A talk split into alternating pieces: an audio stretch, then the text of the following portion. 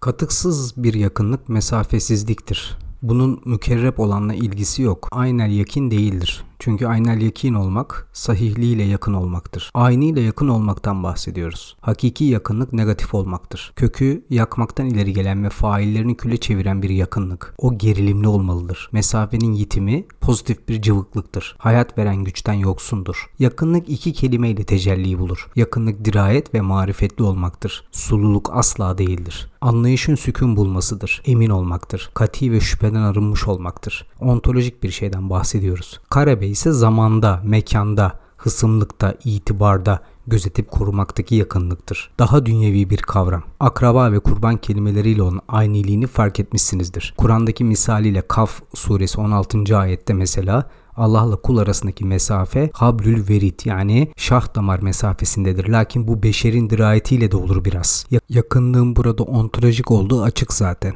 Bunları anlatmamın sebebi Byung-Chul Han düşüncesi açısından yakınlığın önem arz etmesidir. Zamanın kokusundaki ölmek yerine uygunsuz zamanda yaşamak, hızlanmanın bitime ulaştırmasından yüz çevirmesi yani ecel kavramının ortadan kalkarak insanı leş haline getirmesi hep yakınlıkla ilgiliydi. Mesafesizlik düşüncesi ve çağın krizleri her şeyin ve herkesin uygunsuz bir yaşam sürmesine ulaşmaktadır. Yine şiddetin topolojisinde kurbanın aslında şiddeti önlemeye dönük bir ritüel, bir ibadet olması gerekirken günümüzde tam aksinin zuhur ettiğini görüyoruz. Aynı şeyleri Foucault'un disiplin toplumu örneklerinde de görürüz. Ontolojik yakınlıktan uzak, eğitim, cinsellik, deliliğin suç ve şiddetle örüldüğü liberalleşen özgürlükçü toplum. Bu Yong Chulhan'ın kitabı Eros'un ıstırabı düşünme biçimimizde önemli rol oynayan Lars von Trier'in Melankoli filmi üzerine bir metinle başlıyor. Lars von Trier Melankoli'de apokaliptik bir sistem kurmuştu. Yıkılması gereken bir sistem bu. Felaket Unstern, Latince'de disastrum, kötü yıldız demektir.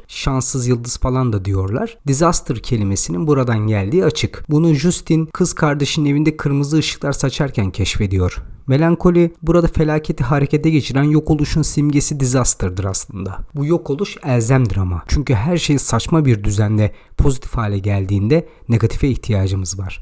Bazen yeniden başlamak için kendimizi feda etmemiz icap eder. Melankolik olanın depresif hali burada iyileştirici rol oynar. Filmde işin sonunda dirayetli olan sadece Justin'dir. O adeta yeniden doğar. Justin de bir nevi zaman yolcusu sayılır. Gergin bir melankoliktir o yok oluşa alış, aşıktır. Çarpışmayı arzular. Bütün o resimlerin yerlerinin değiştirilmesi yok oluş karşısındaki kayıtsızlık aslında Eros'un ıstırabıdır. Bruegel'in Karda Avcılar resmi, Mile'nin Ofelya'sı, Malevich'in soyutluluğu, Caravaggio'nun Goliath'ın kesik başı ki o Caravaggio'nun kendi başıdır aslında. Son olarak Carl Friedrich Hill'in geyik çizimi, kış, nehrin Herakleitosçu akışı, orman manzaraları hep melankolik bir çehre kazandırır tüm mekana. Bizler yaşam boyu kendimiz olabilmenin acısı acısını çekeriz. Asıl kaderde biraz bu. Kendimizi bir benden fazlası olarak tanıma girişimleri toplumca katledilir. İşte bir melankoli varsa o benin ötesinde topluma mızraklarını saplayanlarındır. Dünyanın sonunda insanların suretleri tutulu kalır. Justin gelinlikle nehirde süzülür. İn misin, cin misin der adeta Ophelia'ya. Çözülemez yerde durur Ophelia. Tıpkı Justin gibi. Aşkın kendisi çözümsüzdür zira. Aklın rafa kaldırıldığı durumdur. Yakınlık uzaklıktır. Uzaklık da yakınlık. Lotus çiçeğiyle gelen ölüm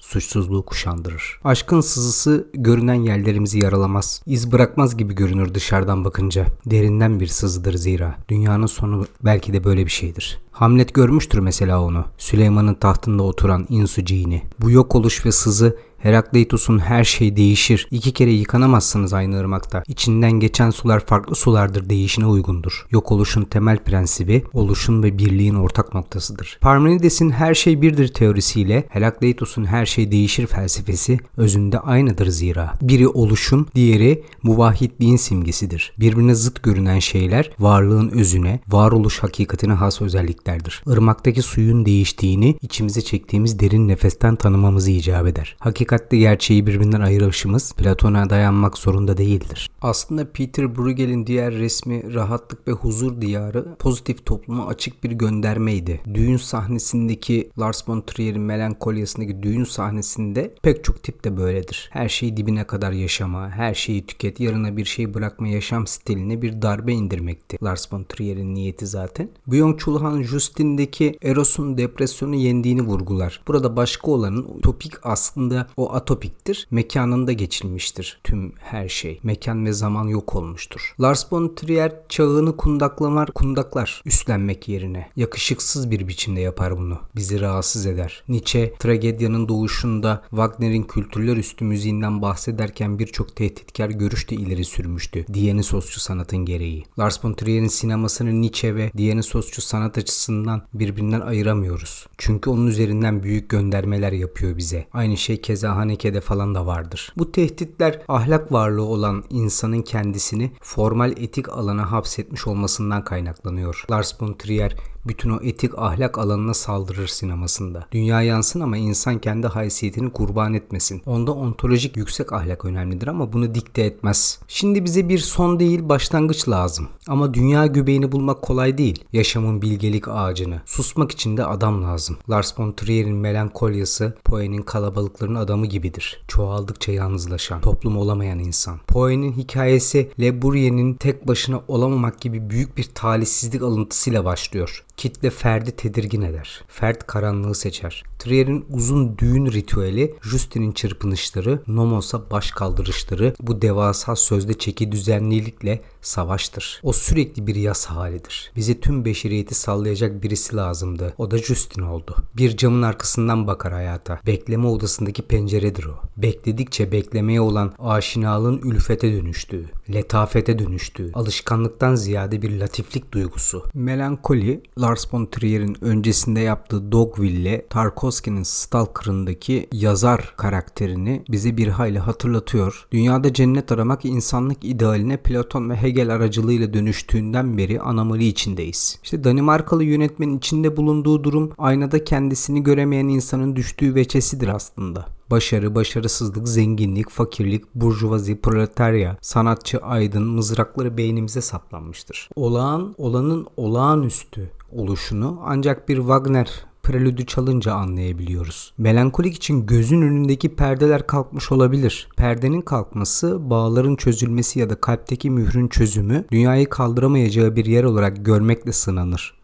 Pitagoras arkeyi sayı olarak görmüştü mesela. Şeylerin ilkesini. Dünyayı bir adım sonra ikiye bölmüştü ama. Dual bir mantıkla. Buradan gittiği yerde saf bir matematik değil, ezoterik bir tarikat oldu.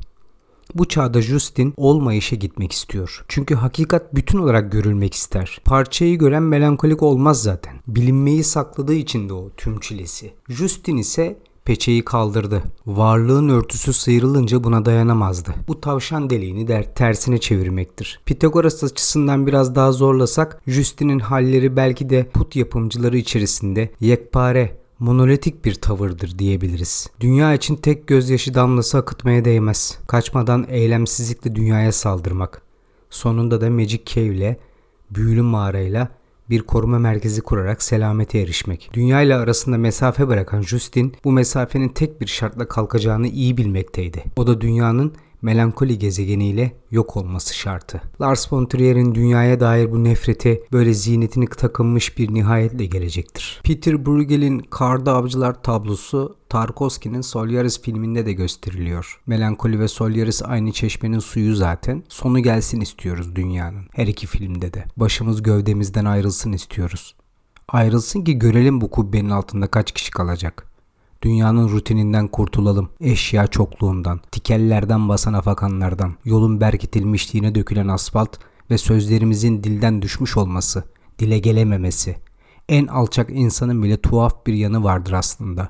Eksik ve gizemli. Justin kimdir? Filanur olarak gözlemci gibi iştirak eden, dünyaya ve şehre. Katılımcılık iddiası yok ama gezdiği yerde olmasına rağmen oraya ait değil. Atopos yani ilk başta belirttiğim üzere. Bu modern dünyada zeminsiz ve tarihsiz olan insana karşılık gelir. O a priori bir biçimde başı sonu çarpık bir halde gözlemler her şeyi. Döloz'un yersiz yursuzlaşma edimi, ahlakı zemininden kopan insanı göçebe makinelerde birleştirir. Yersiz yursuzlaşma bedenin çizgisel bir hareketi değil. İnsanı kültür ve kapitalizm her şeyle şaşkına çevirmiştir. O ancak çıkış yolunu saçmada bulabilir. Yerleşik olamama, zeminde olamama çağımızın en önemli sıkıntılarından birisi.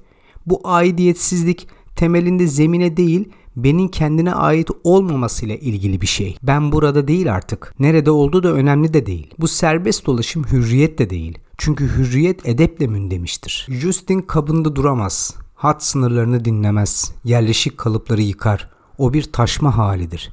Hiçbir düz testere onu kesemez. Çölün ortasında bir harmoni iken çok düzeyli bir cemiyet toplantısında o kakafoniye dönüşü verir. Tüm zıtlıkların iştahası ondadır. Sosyolojinin burada elleri kolları bağlanır. Toplum dışarı bir yerlere gönderilir. Çünkü toplum her türlü eyleme kılıf hazırlayan bir minare hırsızıdır. Toplumu savunmak gücü savunmaktır. İnşadan medet umar filanur. Sanat insanı neşit etmedir aslında burada. Justin dergideki resimlerin kendi beğendikleriyle yerlerini değiştirdiğinde bunu anlıyoruz. Yerine koyduğu resimler onun ruh halinin akisleridir. Baş veren uzlaşmaz Caravaggio yani tepside kendi kellesiyle geziyor. Net çizgilerden, uzlaşmalardan, birbirini pohpohlamaktan nefret eden ressam Caravaggio burada Justin'le eşleşir. Caravaggio için çirkin yoktu. Lügatinde gördüğü halde elleriyle yakalayamadığı hakikat uğruna uzun bir yolculuk vardı ama kutsallığı hemen yanında oluyormuş edasıyla resmedişi elbette içinde yaşadığı toplumda hadsizlik olarak algılandı. Caravaggio tuhaf bir ressamdı. Resimlerini kanla çizdi sanki. Filmde görülen David with the Head of Goliath, Goliath'ın kellesiyle David, Davut tablosu. Aşılmaz dağlar, yüksek sütunlu mabetler ve çamurlu ellerimizle dizdiğimiz kulelerimiz bir sapanla yıkılır mı? Koşum takımlarımız, birliklerimiz hazırsa da bunca pasak içinde olan ruhumuz kirden nasıl arınacak? Düşmanımı tanıyamıyorum. Goliath'ın kanlı gövdesi, Goliath'ın kanlı gövdesi delen yüreğimi. Yoksa sapanla taş falan değil. Goliath bir sapanın gücü karşısında devrilmişti. Yunus'un sineğinin kartala galebe çalması gibi. Onu anladık lakin Davut neden hala içtidir? Bu yaralar niye kabuk bağlamıyor? Goliath'ın kellesi Fransız devrimi kurbanı Danton'un gösterilmeye değer kellesi gibidir. Justin bir türlü baş veremediği için içerler kendine. Lakin öncelikli olarak o Caravaggio'nun kellesidir. Baş gövdeden ayrılmasına rağmen sorgulama tasarrufunu kendinde görüyorsa yok oluşa inanmadığı içindir. Anlamsızlığın köpürtüldüğü bir dünyada kavramlar yerinden edilir. Tüm kelimeler hakikatin birer yanılsaması olarak anlamsızlığın hüküm sürdüğü bir plana kurban gider. İnsanlar anlamsızlıkla yaşar. Anlamsızlıkla yaşayan, yaşayan bir ölüdür. Bu insana yedirilen tesadüfler kaderinin cilvesiymiş gibi sunulan inayetler din olur. Artık bu kişi kendisini mabudu edindiği putunun bir kulu saymaktan çekinmez. Farkında olmanın acısını çekmeyecek, hatırlamanın sunduğu imkanlardan yüz çevirecektir sonunda sonuç odaklı bir alçak olup çıkacaktır. Justin anlamsızlık üzerine ihtisas yapan bir anlamsızlık muallimesidir adeta. Bu çürümenin de yaşamak olabileceğinin kusulmasıdır. Aslında önce anlam aramak akılsızlıktır. Her an hayatına elveda diyen birinden korkmak gerekir. Korkacaksın da denizleri göstermeyen gemileri, toprak ekibi asfalt biçen elleri de unutmayacaksın. Justin ilkini unutup ikincisini sürekli hatırlayandır burada. Tarih bir kukla oyunu değilse ruhsal alanın tarihi olmalıydı. Ruhsal alan bir tarihi olur mu? Tarihsel olayların arkasında karmaşık süreçler vardır aslında. Yoksa Yunus Emre'nin erik dalından üzüm yedirmesinde bir anlamsızlık arardık. George Simmel bu Justin tipolojisi üzerine kafa yoran bir düşünürdü aslında. Modern hayatın ressamı eserinde Bödler farklı bir kalabalık adamı tasavvur etmiş olsa da Simmel kent hayatından bahsederken ikisinden de dem vuruyordu. İnsan eşyalaşırsa ortaya dalgın aylığımız hemen çıkıverir. Ama nevroz bekliyor kapıda. Freud'un şark köşesi emrimize amade. Lars von Trier'in Justin karakteri sığmıyor o koltuğa. Gözlerden ziyade kalplerin körelmemesi için ruhunuza iyi bakın. Melankoli her yerden saldırır insana. İkindi güneşinde perdenin açıklığından sızar. Yağmurun oluşturduğu halkadır. Gecenin çitidir sabahın köründe baş ağrısıdır. Justin bir reklamcıdır. Arızaları içinde koştuğu çalışma odasında raftaki sanat dergilerinin yerlerini değiştirir. Peter Bruegel, Mille, Caravaggio, Malevich baş köşede. Justin orta çağda yaşıyordur adeta. Cadıların yakılmasını hatırlar belki. Felaket teması yoğun. Oduncunun kızı toprak ağasıyla oduncunun kızı arasındaki kavuşma ümidinin olmadığı aşka imler. Sonu felaketle bitecek bir aşk bu. Baştan çıkarmanın ve deliliğin. Maud karnındaki çocukla birlikte yol alır bu dünyadan. Birbirine kavuşamayan yalnız onlar değil elbette. Carl Frederick Hill günde dört resim çizmezse işleri rast gitmezmiş. Ölümümüzü hatırlatan son manzaranın ressamı. Memento Mori ölümünü hatırla. Ölünce kurtulabilecek miyiz acaba? Düşünceyi doksadan kurtarabilecek miyiz? İlerleme ve tarih bize saldırıyor. Mezarlıklar üniversite kampüsleri haline dönmüş. Gönlümüz İstatistiksel verilere kurban gidiyor. Melankoli ölüme saldıranlara kıyametle cevap veriyor. Ölüm lazım bize aşktan çok ölüm. Radikal bir ölüm. Saçmalığa son verecek radikal bir ölüm. Ancak odur gerçekliği yenecek. Çünkü ölen yok olmaz. Hakikatin kenarına teyellenir. Ölümü düşünürken o kadar özgür olur ki insan Sanki yasak meyveyi yine de yerde bunun için. Ölümü yaşamak için. Sekinetimizi elimizden aldılar. Bizi kamunun hırpaniliğine paspas yaptılar. Melankoli çok normal bizim için. Ölen hep biridir. Kıyamet ayrı. Biri ölür. Sürekli ölür. Yaşamanın aç gözlü tutumlar mazumesine kurban edilişi ya yok ediyor ya da çoğaltıyor bizi. Bu şizofreniyi Freud çözemez. Olsa olsa çamur atar. Ölümü yalnızca yaşama adına kurban edişi. Ölümle hesaplaşmadan her gün sadece yaşama iştihası. Ölen ötekidir aslında değil mi? Sadece yaşamanın varlığında numaralanır. İnsan için ölüm varsa varlığının anlamı vardır. Ölüm var mı bizim için? Çünkü melankoli yaklaşıyor. Ölüme yönelik varlık endişedir demişti Heidegger. Euripides'te insan endişeden yaratıldı. Modern insan nedir? Hiç ölmeyecekmiş olan kör cellattır. Kendini keser her gün.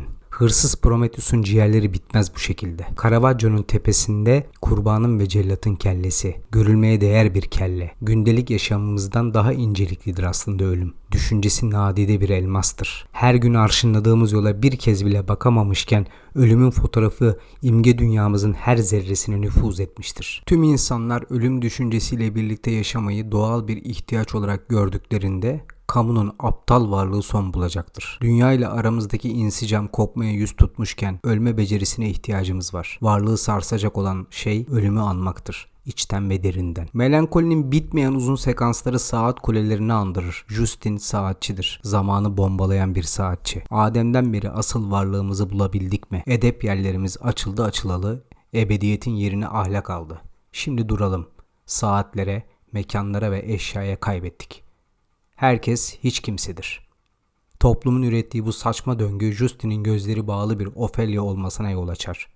Dante'ye yol gösteren Vergilius hepimizi cehenneme davet ediyor. Bugün insanlar her şeyin rasyonelitesini talep ediyor. Fütursuzca ve bilgelikten yoksun bir şekilde. Çünkü artık başka olan yok. Saf bir mesafeden yoksunuz.